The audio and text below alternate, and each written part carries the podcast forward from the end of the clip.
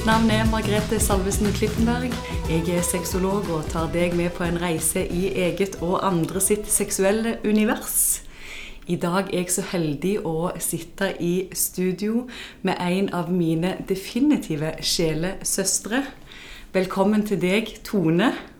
Tusen takk. Kan ikke du si litt med en gang hvem er du, og hva er ditt bidrag her i verden? Åh, ja, jeg vil jo først og fremst si jeg er en livsnyter. Eh, og så er jeg ei veldig ener- energisk sjel som På en måte Hva skal jeg si? Jeg vil nå se for meg sjøl som at jeg har et ganske sånn sterkt lys som spres rundt meg der jeg går. Um, det er ikke for å ta noe Hva skal jeg si Snakke høyt om meg sjøl. Men det er sånn jeg opplever det sjøl. Uh, så jeg vil nå si at jeg bidrar på en positiv måte til moder jord. Men du, Det er helt fantastisk å høre, og hjertelig velkommen til deg. Takk. Grunnen for at jeg ble kjent med deg Jeg har jo alltid visst hvem du var, men jeg har aldri kjent deg. Og det som skjedde, det var jo at på et eller annet tidspunkt så meldte du deg på et av de kursene som jeg holder. Og så kom du da inn i min sfære på den måten der. Og etter det så har jeg jo virkelig, føler jeg, fått lov til å bli kjent med deg. Hva var det som gjorde at du tenkte ah, jeg har ikke lyst til å melde meg på et sånt kurs hos Margrethe? Hva var det som trigga deg til det? Jeg har jo alltid visst hvem du var, men på en måte aldri kjent deg. Eh, men jeg har alltid sett på deg som en veldig fri sjel. Eh, så jeg har sett veldig opp til deg på måten du bærer deg sjøl, og måten du møter mennesker på. Det har jeg alltid sett veldig opp til. Og så tenkte jeg sånn Sexolog. Ja. Kurs innenfor sexologi. Ja, selvfølgelig. På grunn av at jeg har hatt en del eh, ja, begrensninger i forhold til det med seksualitet og sexliv, så har jeg hatt en del begrensninger. Så kjente jeg at nei, dette vil jeg jobbe litt mer med. Finne ut av litt mer. Ja, Og så kom du inn på kontoret mitt, og så var det akkurat som en slags magnetisme mellom meg og deg som bare forente dere i en eller annen salig Jeg vet ikke hva jeg skal kalle det engang. Men det var akkurat som om dette var meant to be. Ja, det føles Eh, veldig riktig. Det føltes veldig riktig, ja. Mm. Og det føltes som at ja, dette har en mening, og det har en liksom større mening enn bare det møtet som vi hadde på akkurat det kursopplegget. Men si litt om, om når du da møtte opp her og møtte meg og mye av de tingene vi jobbet igjennom, hva, hva var det i dine begrensninger som du kjente på at dette må jeg jobbe videre med? Nå er jo jeg veldig eh, inne i det alternative. Eh, og jeg føler og har opplevd tidligere liv Jeg er utdannet riboterapeut, så jeg har pusta meg gjennom ganske mange tidligere liv. I de tidligere livene så har det vært veldig mye begrensninger i forhold til seksuelle. Jeg har blitt voldtatt, jeg har dødd i midten av en fødsel osv. Dette har jeg på en måte følt har lagt begrensninger i dette livet. da. Eh, som f.eks. jeg eh, har besvimt eh, når jeg skulle prøve å ta igjen tampong, eller jeg besvimte hos eh, gynekologen. Som jeg har følt liksom, det har vært begrensninger. Sex òg har på en måte aldri vært noe sånn som jeg følte var vanvittig bra eller ekstremt godt, eller jeg følte meg ikke avslappa på den måten når jeg hadde sex med en partner. Um, så dette ville jeg på en måte jobbe med å finne ut hvordan kan jeg komme videre. Hva kan jeg gjøre for at det skal bli bedre? Gi slipp på disse tingene og komme videre. Kanskje du kunne hjulpet meg med det, tenkte jeg. Og det tenkte du. Og så tenkte du at ja, vet du hva, la meg finne et menneske som jeg kan snakke med på et språk som vi begge to forstår. Ja. Fordi at du sier jo noe om at du, hen, du henviser til opplevelser som du har hatt i et tidligere liv.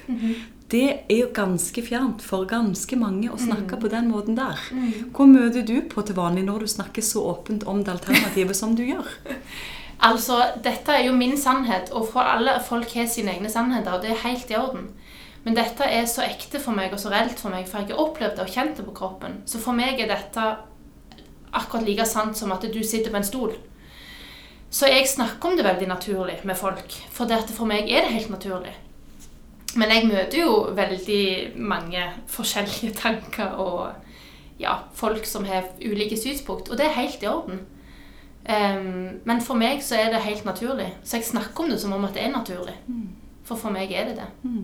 Og så må de bare synes om mene akkurat hva de syns. For det er ikke noe jeg påpakker de eller sier at dette her er, skal du òg synes eller mene. Mm. Det skal de få lov å velge helt sjøl. Ja, og så sier du noe om at du er en sånn eh, rebirth-terapeut, for det er det du kaller det. Mm. Si litt mer om det. Ja, jeg gikk på kurs for oh, det er ganske mange år siden nå. Um, det er vel nærmere ti år siden, i alle fall. Jeg gikk på kurs hos ei som heter Siv, driver Sivi-senter på Figgjo. Ehm, fantastiske damer, forresten. Um, jeg gikk på kurs hos Hus som varte over to år, hvor du er seks helger i løpet av året. Så er du, bor du oppe på Sivi-senteret. Og så er du ei gruppe på vi var vel ti stykk, som da har en kursgang som går da seks helger i året over to år. Det vi gjør der Det er veldig mye selvutvikling. Um, vi lærer da å gå i pust, ha andre i pust. Um, vi har meditasjoner. Og det som på en måte var, var veldig veldig, fascin veldig jo, fascinerende, men veldig veldig godt, det var at hver morgen når vi sto opp, så hadde vi ikke lov å møte blikk til folk før etter meditasjonen på morgenen. Vi hadde felles meditasjon hver morgen. Um, og det å ikke møte blikk, for da utveksler du energi. Og da vil du med en gang gå inn og analysere eller tenke. Så det å få lov å bare være i sitt eget helt til etter meditasjonen, det var utrolig fint. Og det ser jeg jo f.eks. når du er på byen og du møter blikk, så utveksler du en energi hele veien. Um, så det kurset var for meg utrolig spennende og lærerikt på enormt mange plan og nivå. Mm. Så spennende å høre. Og du har jo òg et, et språk når vi snakker om sex, som handler om å forstå sex som et språk som handler om utveksling av energi. Og også faktisk forstå det som energi. Mm. Men for å spørre deg litt tilbake igjen, da. Hva, hva er det som har forandra seg i din seksualitet ifra vårt møte til liksom, sånn som du har det nå? Altså, Klarer du å sette ord på den reisen som du har gjort etter meg og deg traff hverandre første gangen? Oi. ja. Det har skjedd ekstremt mye. Eh, for det første så har jeg blitt eh, separert. Gikk ifra mannen min. Eh, det var egentlig Vi var veldig enige om det begge to. Eh, for det som har skjedd, er at jeg på en måte har følt meg veldig begrensa seksuelt. Når jeg traff deg første gang, så følte jeg meg veldig begrensa. Og det handla jo, som jeg sa, om tidligere liv, men òg om den situasjonen jeg var i da. Um, når jeg da ble alene og gikk fortsatt å gå til deg, så begynte jeg med Jeg kjøpte meg noen egg. Noen uh, egg som er lagd av krystaller, som du da putter inn i underlivet ditt, inn i vulvaen. Og der får de lov å ligge hele natten. Uh, det ene det gikk på traumeenergier, og det andre går på kjærlighetsenergi. Disse brukte jeg veldig aktivt. Og det handler om for meg òg, så var det det bare å ha noe inni der var på en måte veldig Nei, nei. Der var ikke noe som skulle være inni der. Men på en måte etter hvert når jeg fikk lov å gjøre dette i mitt tempo, jeg fikk lov å utforske sjøl, jeg fikk lov å sette grenser sjøl um, Jeg kunne utforske det med orgasmer, jeg kunne styre alt det der sjøl uten at noen skulle ha en mening om det eller en tanke om det. Det var ekstremt frigjørende. Um, og gjorde veldig mye for meg. Så traff jeg jo da eh, en kar som vil jeg si har vært med og helbreda ekstremt mye i meg. Eh, spesielt når det gjelder det med sex. Av før har jeg følt at sex har vært at mannen skal komme. Det er på en måte ikke min oppgave som dame, men det var han skal komme. Det er det som er målet.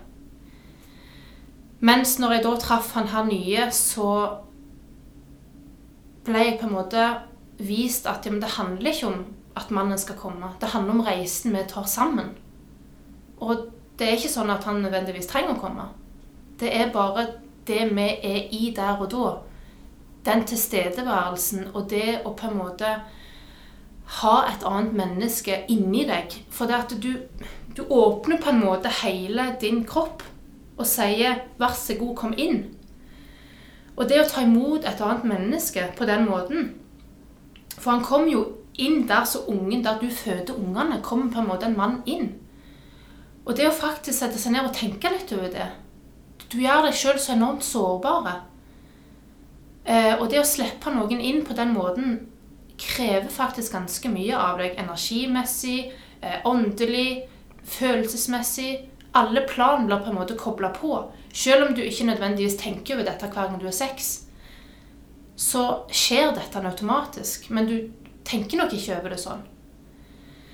Så for meg å på en måte oppleve og få lov til å oppleve dette med et annet menneske, at hvor sex egentlig kan være, det har bare frigjort så vanvittig mye i meg og gjort meg så frie.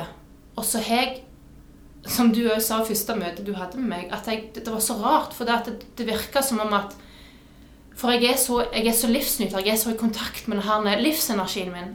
Men folk som er veldig i kontakt med livsenergien, er òg som regel veldig i kontakt med den seksuelle energien. Mm. Det var som om min bare var helt blokkert. var helt låst. Helt låst. Mens nå føler jeg at alt bare flyter. Det er på en måte helt fritt. Og det er ekstremt, ekstremt godt å kjenne. Jeg syns det er veldig fint at du tar opp det med viktigheten av å forstå eh, det med å bli penetrert. For det er helt annerledes å penetrere enn å bli penetrert. Og jeg tenker som kvinne så er vi ikke opplært i til å forstå konsekvensene av å bli entra på den måten der. Og jeg syns det er veldig interessant at vi aldri snakker om det Ja. på en annen måte enn det meg og deg gjør nå. Fordi at dette er ikke et tema for folk flest. Mm. De tar det for gitt at det er, skal være enkelt. Ja. Men så er det ikke enkelt. Fordi at vi reflekterer ikke over hva det faktisk er vi gjør. Man slipper faktisk noen fysisk inn Yes. på så mange forskjellige plan som det du sier, uten å ha tenkt gjennom det, eller uten å forstå konsekvensene av det. Og veldig ofte så er det jo sånn at den seksuelle historien som vi har, spesielt som kvinne, handler om at man har blitt invadert på så mange forskjellige måter som gjør at det får noen konsekvenser for hvordan vi føler oss. Yes. Og vi har gjerne hatt sex på feil premiss eller feil grunnlag, eller man har brukt seksualiteten sin på måter som har gjort skade, uten at det har vært intensjonen verken fra partneren vår eller fra oss sjøl at skaden skal skje. Men skaden skjer fordi at vi ikke er bevisst på hva vi egentlig holder på med. Ja. Så jeg syns det er så fint å høre at du nå har en erfaring av at det må òg bli penetrert handler om noe mye større enn penetreringen i seg sjøl.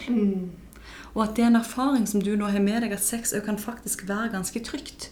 Og at sex kan være ok, men det fordrer at du er klar for å ta imot. Ja. For det er det man faktisk gjør som kvinne. Man tar imot. Og da må man jo vite hvilke forutsetninger tar jeg imot på. ja. Fordi at vi kan ikke bare være åpne i utgangspunktet, for det er vi ikke. Nei. Hva tenker du om det? Nei, jeg er helt enig. Og det er jo det med den bevisstgjørelsen, det å faktisk sette seg ned og tenke litt gjennom Hva det egentlig det handler om, hva det egentlig jeg gjør. Um, hvordan oppleves dette for meg? Føles dette greit? Faktisk sjekke inn, som jeg og deg har snakket om så mange ganger. Sjekk inn. Er jeg klar for dette? Vil jeg dette? Og faktisk kjenne etter hva svar du får. Hvis svaret er nei, nei vel, så skal du ikke det. Eh, hvis svaret er nja, jeg vet mm, ikke helt Nei vel, så ikke gjør det. Det må føles rett. Det må føles greit. Det skal ikke være noe sånn Jeg skal please mannen min, eller åh, ja, da er det iallfall husfrei uke til. Det, det, kan, det kan ikke være sånn, for det går på bekostning av så enormt mange ting. Som bare blir så feil i lengden.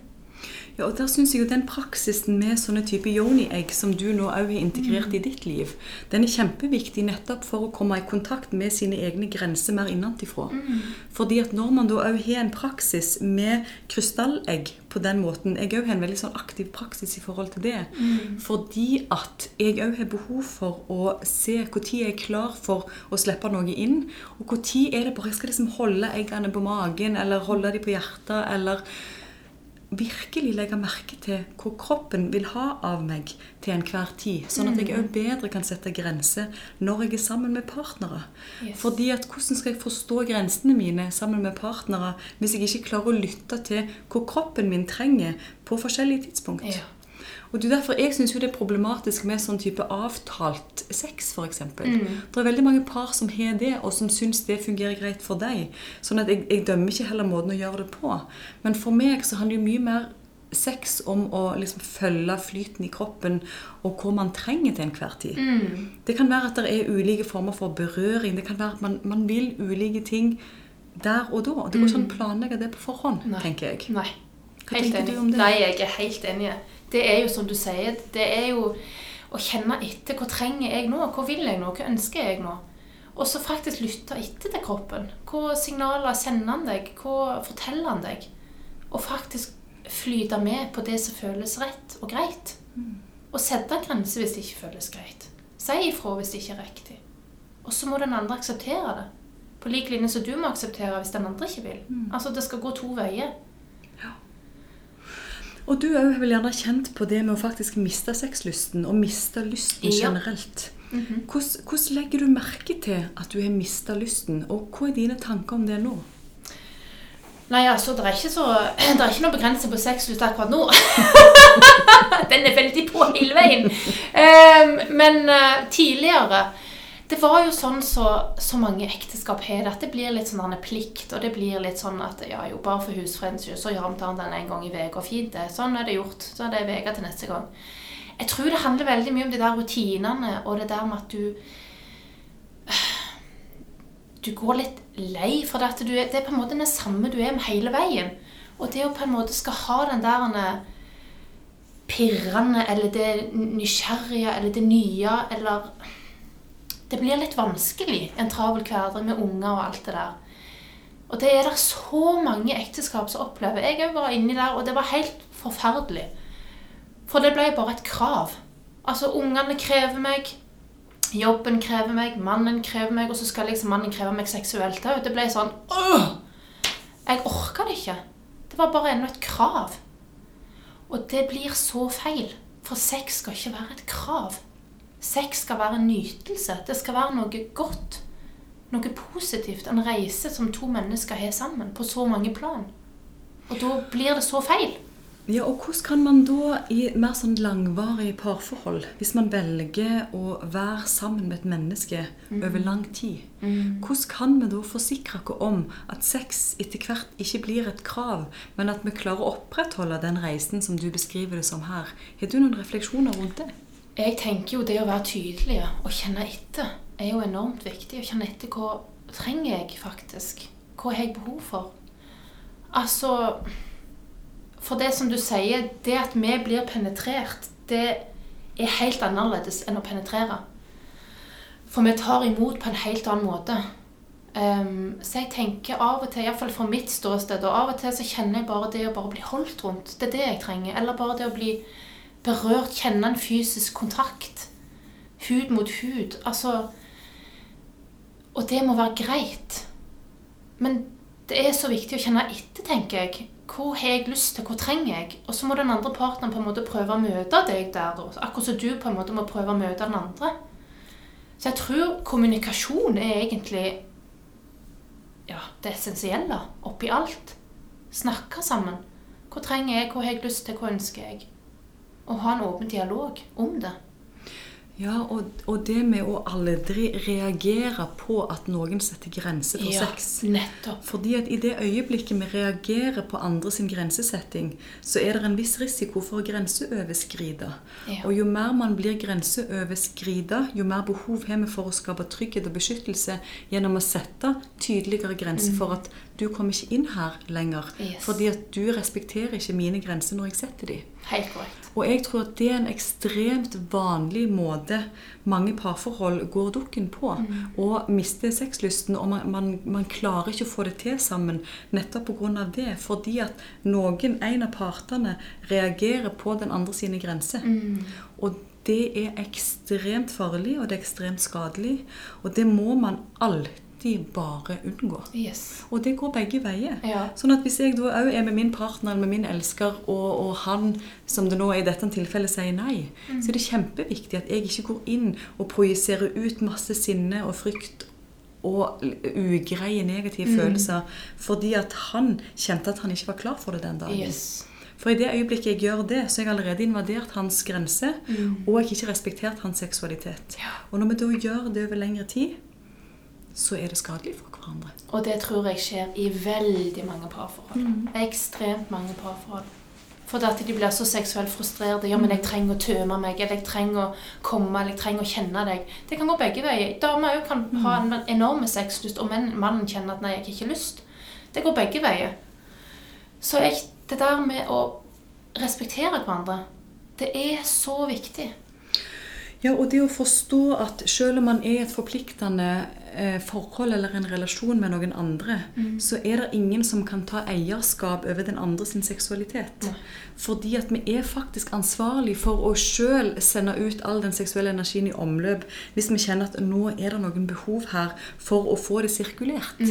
Og da kan du ikke forvente at det skal bli sirkulert sammen med noen andre hvis noen andre ikke vil. Ja. Og da må man jo òg liksom ha opparbeidet seg den evnen da til å ha noen gode måter å selvnyte på. Ja. Sånn som jeg pleier å si så fint. Jeg elsker jo å lage egne nytelsesritualer for å ta ansvar for å sirkulere min egen seksuelle energi.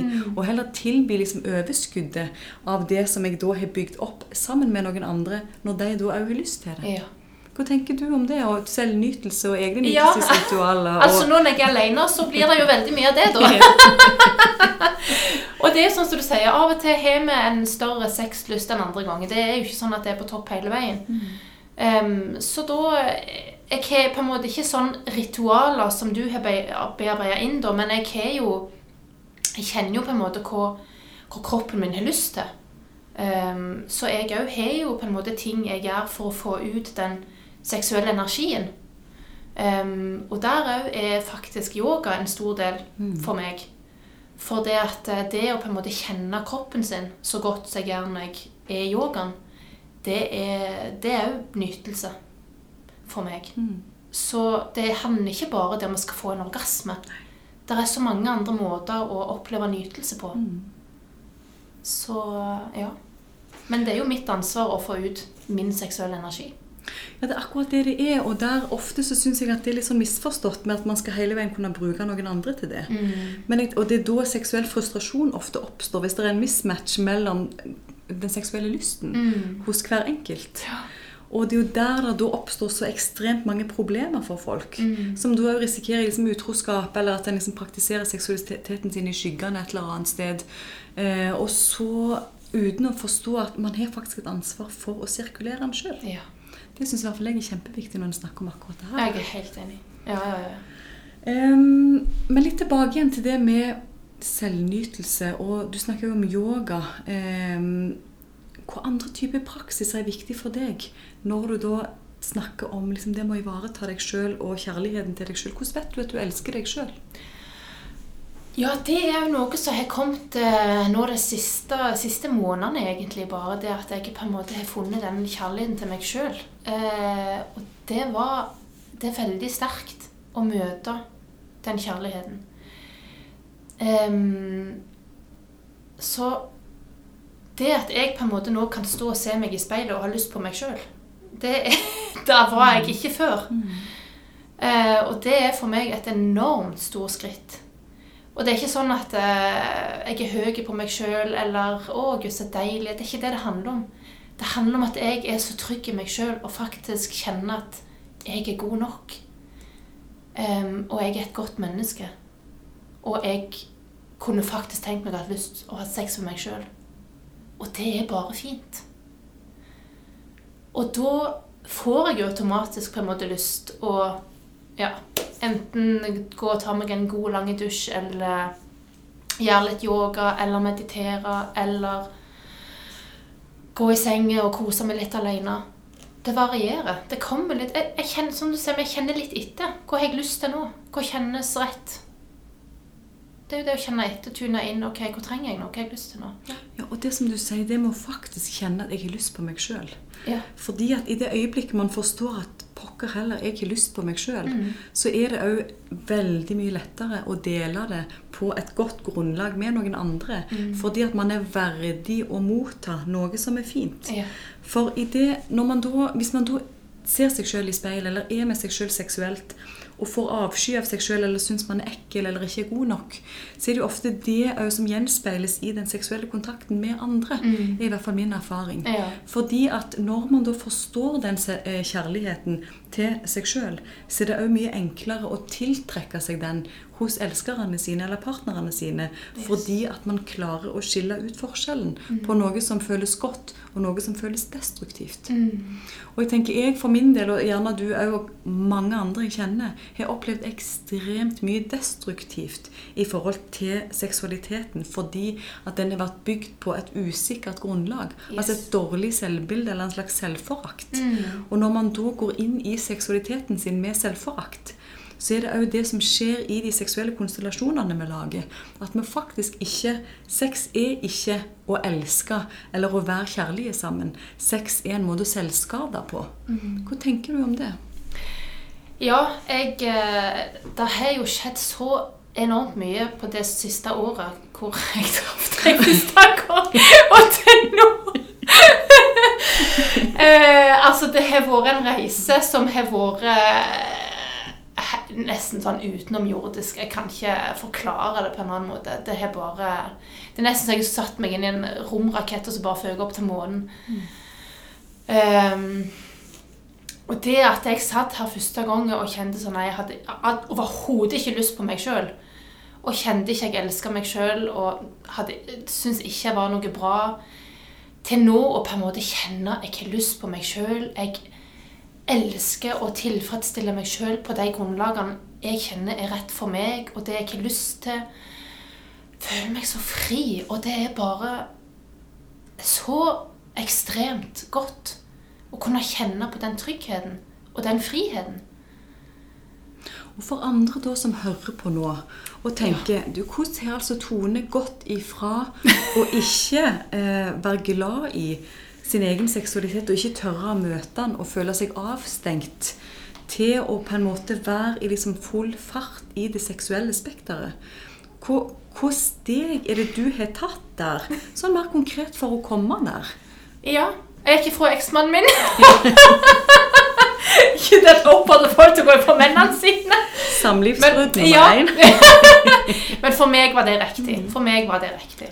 Ja, og det bare for, liksom, for å stoppe opp med det første punktet der, det må faktisk ta en liten screening av parforholdet. Ja. For å se litt hvordan parforhold er jeg i, Mm. og må vi inn og ta en eller annen servicekontroll på Mm. parforholdet, eller er det faktisk sånn at dette bør gå til et brudd? Mm. Fordi at det er kjempeviktig å stoppe opp av og til og merke etter er jeg på rett plass i forhold til Yes. den partneren jeg har valgt. Så ja, for deg endte det med samlivsbrudd som var rett for deg. Yes. For andre så kan det være at de ender opp med andre ting. Men ta en liten screening av hvordan har jeg det med elskerne mine, eller partneren min, eller mannen min, eller dama mi, eller hva som helst. Altså at man, man starter der. Ja. Og det gjorde jo du. Det gjorde jeg.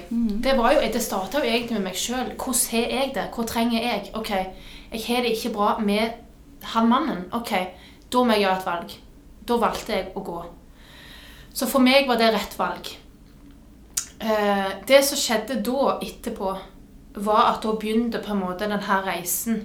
At jeg fikk lov å jeg fikk lov å være i meg sjøl uten å bli begrensa av et annet menneske. For jeg, følt, jeg hadde følt meg veldig begrensa. Og det å få lov å føle seg fri, å få lov å føle jeg kan si, jeg kan gjøre akkurat hva jeg vil, uten at noen andre skal ha en mening om det. Eller synse, eller ha kritikk på det. Kan gjøre akkurat som jeg vil. Og den frihetsfølelsen var enormt viktig for meg, og den hjalp meg veldig i rett retning. Um, så traff jeg jo han her. Mannen da.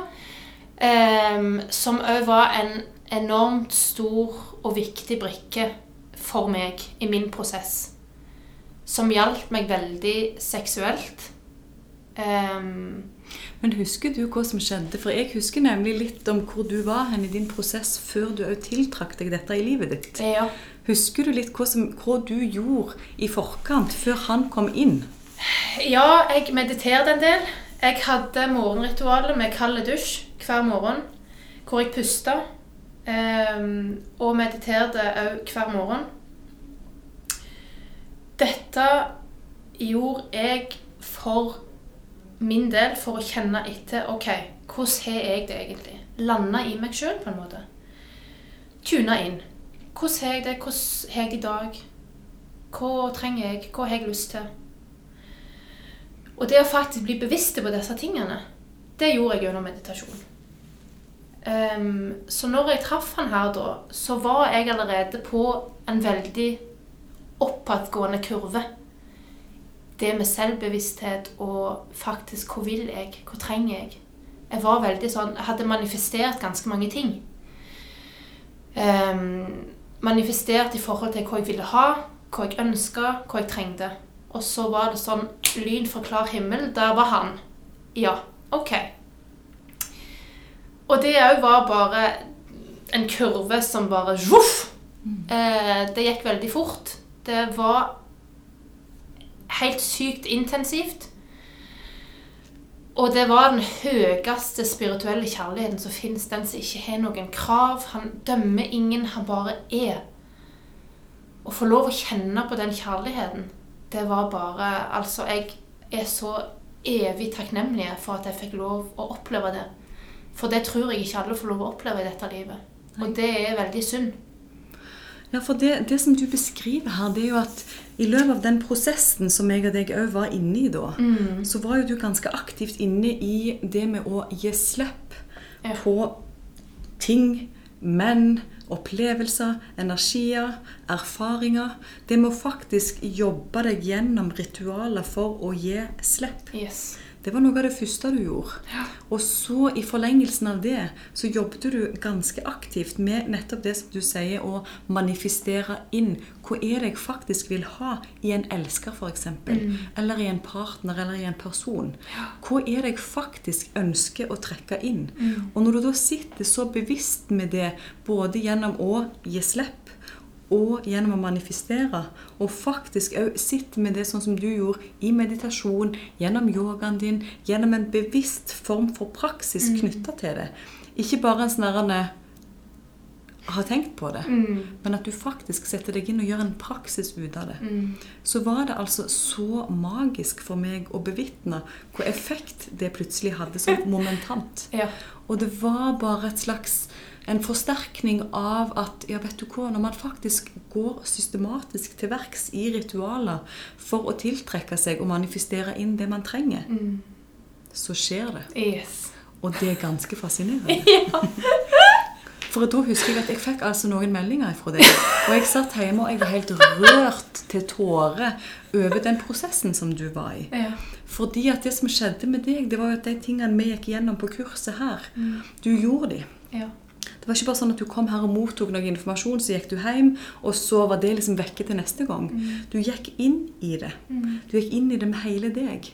Og så oppdagte du etter hvert at dette forandrer livet mitt. Mm. Hele livet mitt holdt på å forandre seg nå. Mm. Og så oppdaterte du meg underveis på det. Mm. Som jo da var ekstremt inspirerende for meg å få lov å bevitne i livet ditt. At livet ditt holdt på å forandre seg. Mm. For det er jo det man Altså, det å få lov til å være med på noen sin livsforandrende reise, det er jo helt fantastisk. Jeg ble helt rørt, faktisk. Ja, men hvor tenk, for når du da sendte av gårde alle de her meldingene Margrethe, nå, altså, nå, holder på, nå, holder det på, å bli bra.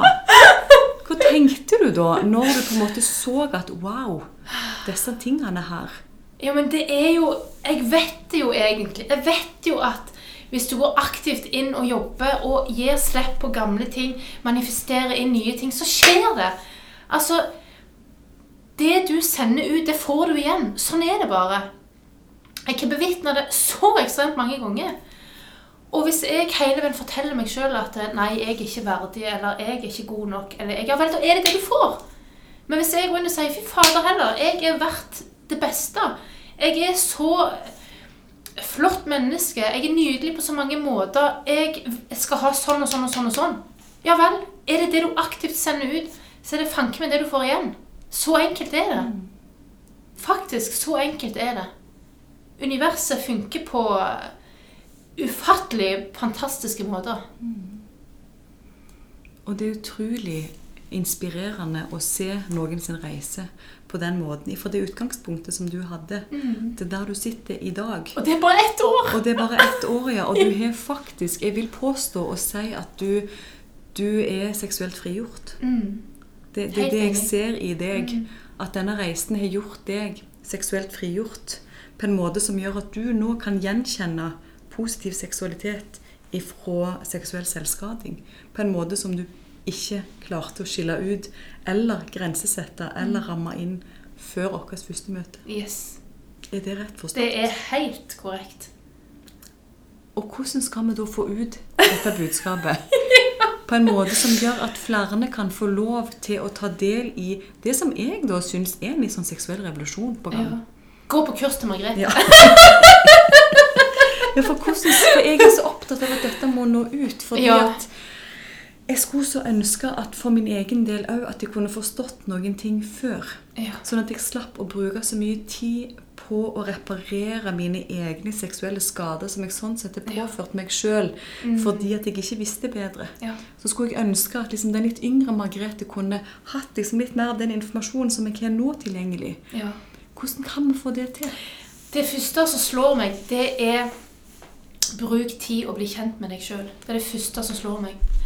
Og for min del, det gjør jeg gjennom meditasjon. Jeg gjør det gjennom refleksjon, og jeg gjør det gjennom yoga. Det å bli bevisste på egne tanker, bli bevisste på egne handlinger, gå inn og analysere hvorfor handler jeg sånn, hvorfor gjør jeg sånn, hvorfor er det jeg får opp de tankene jeg gjør, er det noe mønster her, er det noe som går igjen her? Bli bevisste på alle disse tingene, bli kjent med deg sjøl. Hvem er du egentlig? Ok, for når du da blir kjent med deg sjøl, så vil du oppdage ting som da kan være så ekstremt god hjelp for deg videre i livet. Som f.eks. På, min- på mitt ståsted så var det det å eksempel sette grenser. Jeg er så sabla god å sette grenser for kollegaer, for venner. Ingen problem. Men partner? ja, det var et annet kapittel. Jeg klarte på en måte ikke å sette grensene. Ok, nå ser jeg det. Hva gjør jeg da? Jo, det jeg gjør da, det er at jeg går inn og må jobbe med dette i form av at nå er jeg bevisst på det. Så når da jeg treffer en ny, så må jeg være bevisst på nå må jeg sette grenser. Klarer jeg ikke det, nei vel, så får jeg en sånn en Nå satte du ikke grenser. Ok? Jeg så jeg ikke gjorde det. Da skal jeg prøve å gjøre det neste gang. For da handler det om en bevisstgjørelse. Jeg tenker seksuelt òg at ok, hvis du kjenner at det, det, det er ikke riktig å ha sex nå, men jeg gjør det bare for husfreden Stopp opp. Nei. Nå kjenner jeg jeg faktisk ikke har lyst. Men da må jeg ikke gjøre det. For da skader jeg noe. Hva er det som gjør at jeg ikke har lyst? Hva er det jeg egentlig trenger? Hva er det jeg egentlig vil? Gå inn og analyser. Kjenn etter. Tune inn. Det er så viktig. For vil, du vil få en sånn en enorm vekst mentalt, og det å møte seg sjøl Det er For det at hele livet, ifra vi blir født og hele livet, så blir vi på en måte forma av folk rundt oss, av familien vår, av vennene våre, skolen. Alt former oss. Så vi mister kontakten med hvem vi egentlig er. Hvem er det jeg er egentlig her inne? Uten alle de som har forma meg, som skal være med på å definere meg. Hvem jeg er, hvem er egentlig jeg? For alle de andre folkene som er rundt oss, de er med på å definere hvem vi egentlig er. Men så er det ikke sånn vi sjøl kjenner at vi er. Nei vel, men hvorfor opplever du det annerledes enn deg? Ja vel, er min opplevelse riktig, eller er deres opplevelse riktig? Selvfølgelig er din opplevelse riktig, men da må du jo gå inn og kjenne etter. Hva er det egentlig jeg står for? Hva er det egentlig jeg vil? Hva er det egentlig jeg trenger? Hvem er jeg? Uten alle disse folkene rundt som definerer meg. Hvem er jeg da? Ja, og òg uten alle de rollene som definerer oss. Ikke minst. Og. Der går jeg òg ofte inn og tenker ja, hvem er jeg uten jobben min? Hvem er Ja. jeg uten sexologtittelen min? Hvem er jeg uten pengene mine? Hvem er jeg uten huset mitt? Hvem er jeg uten folkene rundt meg? Hvem er jeg når jeg bare sitter alene på ei øde øy uten noen ting rundt meg? Ja. Hvem er jeg i kjernen av det? Når jeg da ikke har alt det andre utenfor meg å måle meg opp mot. Yes. Og det å faktisk ta noen sånne prosesser innimellom og gå litt inn i det. Sånn at vi ikke definerer oss for mye utover, men heller søker mer inn. Yes. Og det er jo mye av det som skjer rundt i verden nå, at vi søker mer inn. Mm. Fordi at vi ser at vi finner ikke noen svar der ute. det er ikke noe å hente. Nei! Det er ikke noe å hente der ute. Man må gå inn. Ja. Vi må hjem. Vi må inn. Vi må inn i hjertet. Vi må inn og kjenne hvem er vi Mm. Og uten alle de her maskene. Vi er så gode til å ta på oss de her maskene. Hiv maskene. Mm. Hvem er du uten alle de?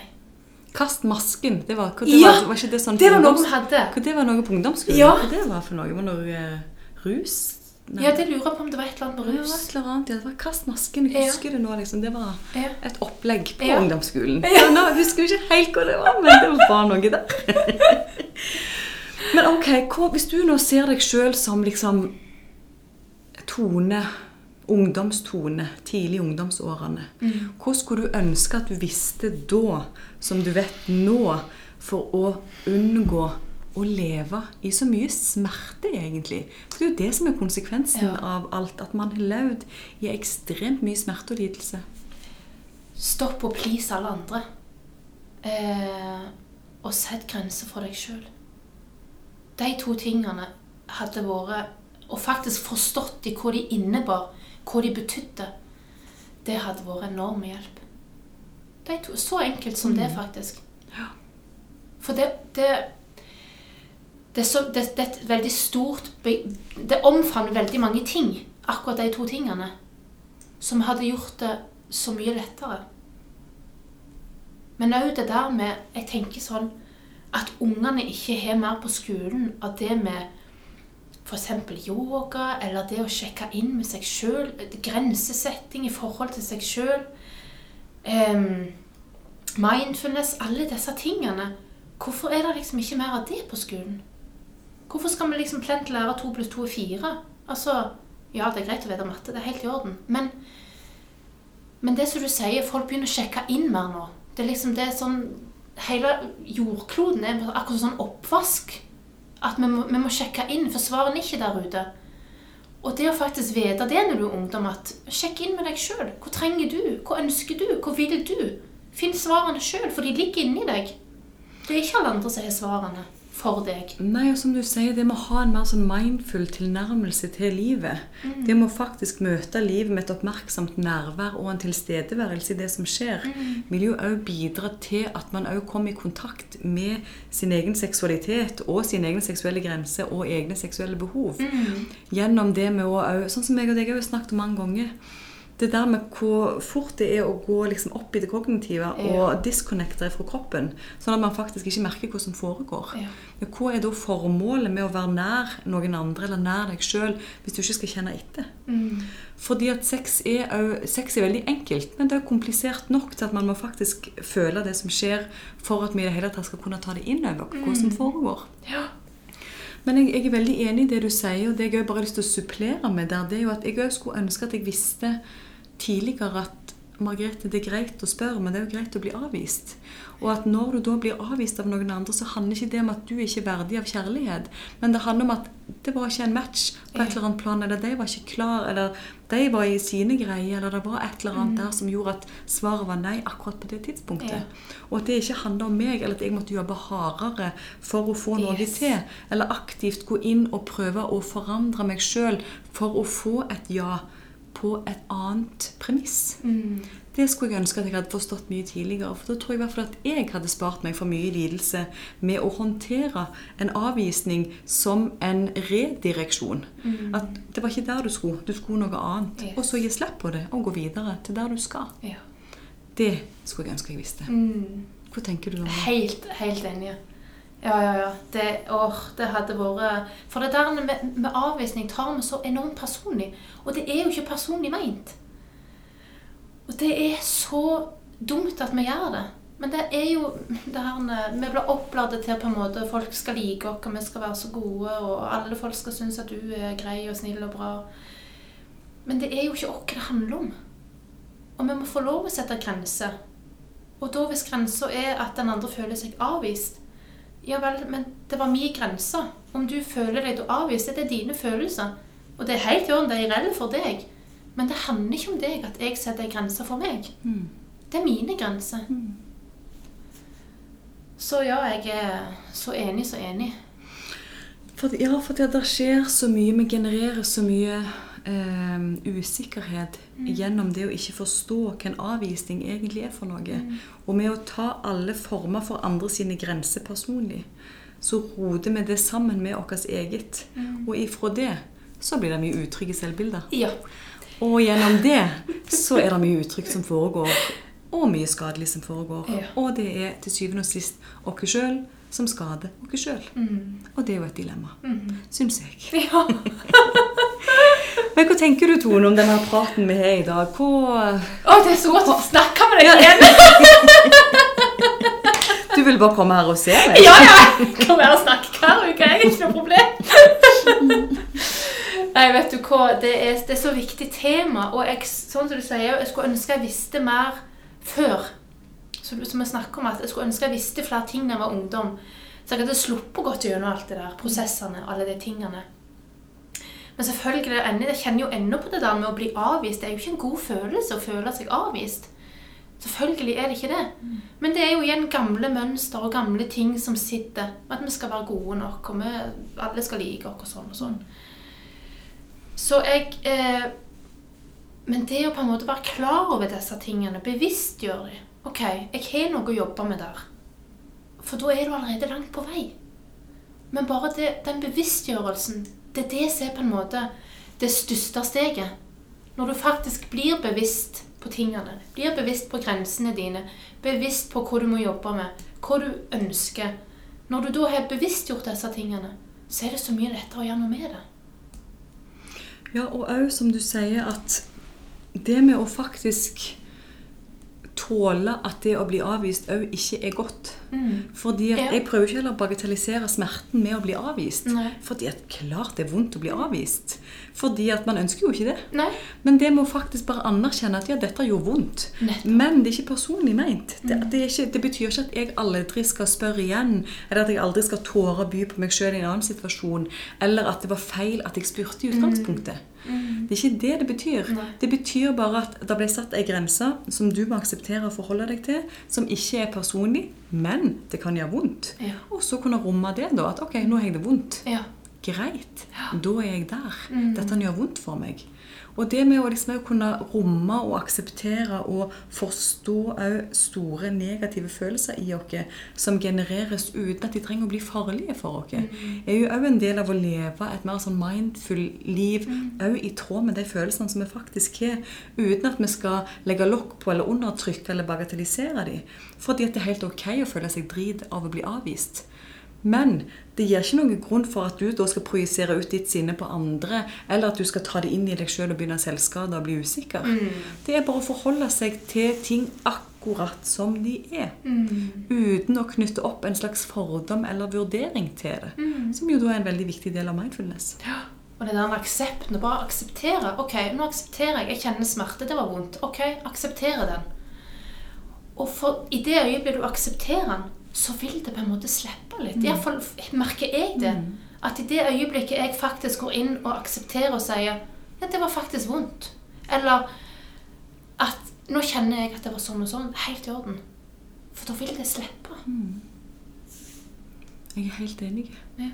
Og det med å få lov til å erfare det at det med å anerkjenne smerte, og faktisk føle på at han er der, gjør det òg til en prosess der smerten får lov til å være smertefull uten å generere langvarig lidelse. Ja.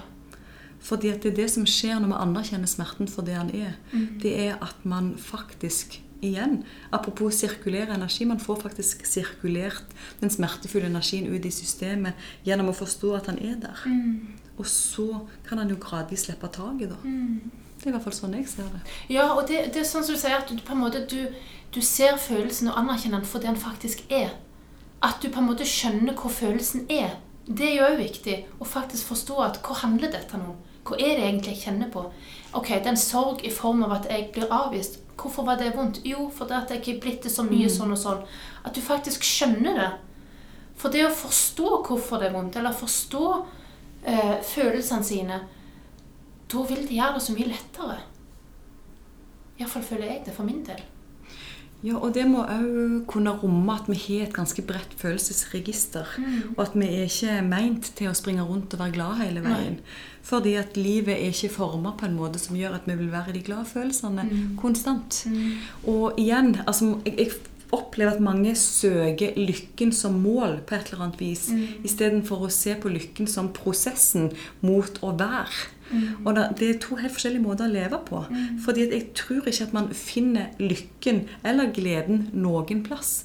Jeg tror at gleden og lykken er veien. Jeg tror ikke det er målet. Mm. Og det er en helt annen måte å leve på. Ja. Ok.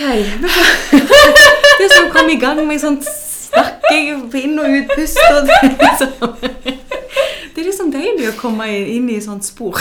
Fantastisk. Oh. Ok, du, hvordan har du det nå?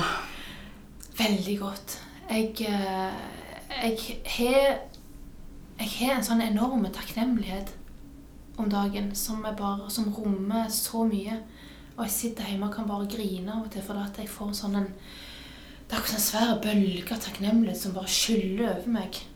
Um, og det, den følelsen er helt ekstremt vanvittig bra. Uh, og det er alltid noe å være takknemlig for. Når du våkner opp på morgenen Ja vel, jeg våkner faktisk i seng i dag. Eller jeg våkner faktisk. Jeg er i live. Altså, det er alltid noe å være takknemlig for. Og når du på en måte klarer å skape den takknemligheten, når du ser tingene rundt deg som du faktisk er takknemlig for, så gir det deg den takknemlighetsfølelsen, og den følelsen er bare Åh, han er så god. Og den kjenner jeg enormt mye på for tida. Og jeg tror at med takknemlighet så sier jeg, Tone, tusen hjertelig takk for at du har delt så åpent og fint av deg sjøl gjennom denne podkasten her i dag. Og jeg setter veldig pris på at du hadde lyst til å komme her og gjeste og fortelle litt om dine erfaringer opp mot vårt møte, og hvordan det faktisk har forandra livet ditt. Ja. Om jeg får lov til å si det litt forsiktig. og jeg er jo veldig glad for å ha deg inn i mitt område, hvis vi skal kalle det det. Jeg er veldig glad for at jeg er blitt kjent med deg. Og jeg har lyst å ønske deg lykke til videre på reisen i ditt seksuelle univers. Så lurer jeg bare på helt til slutt, er det noe som du sitter og brenner inne med, som du tenker at dette hadde jeg forberedt meg sykt på hva jeg skal si, og Margrethe ikke engang spurt om det? Er det et eller annet som du kjenner at dette må jeg supplere med før vi legger på i dag? Egentlig ikke. Tun inn. Kjenn etter. Ta også Bruk litt tid alene med deg sjøl, og kjenn etter. Hvor er du i livet? Hvor vil du i livet? trenger du? Hvem er du? Bruk litt tid for deg sjøl. Det er så viktig. Og så må jeg bare si tusen takk for at jeg fikk komme og bli spurt. Du er ei så nydelig sjel, så jeg eh, er så glad for at jeg har fått kommet inn i ditt univers sammen med deg. Takk for det, og takk for i dag. Og ha det bra.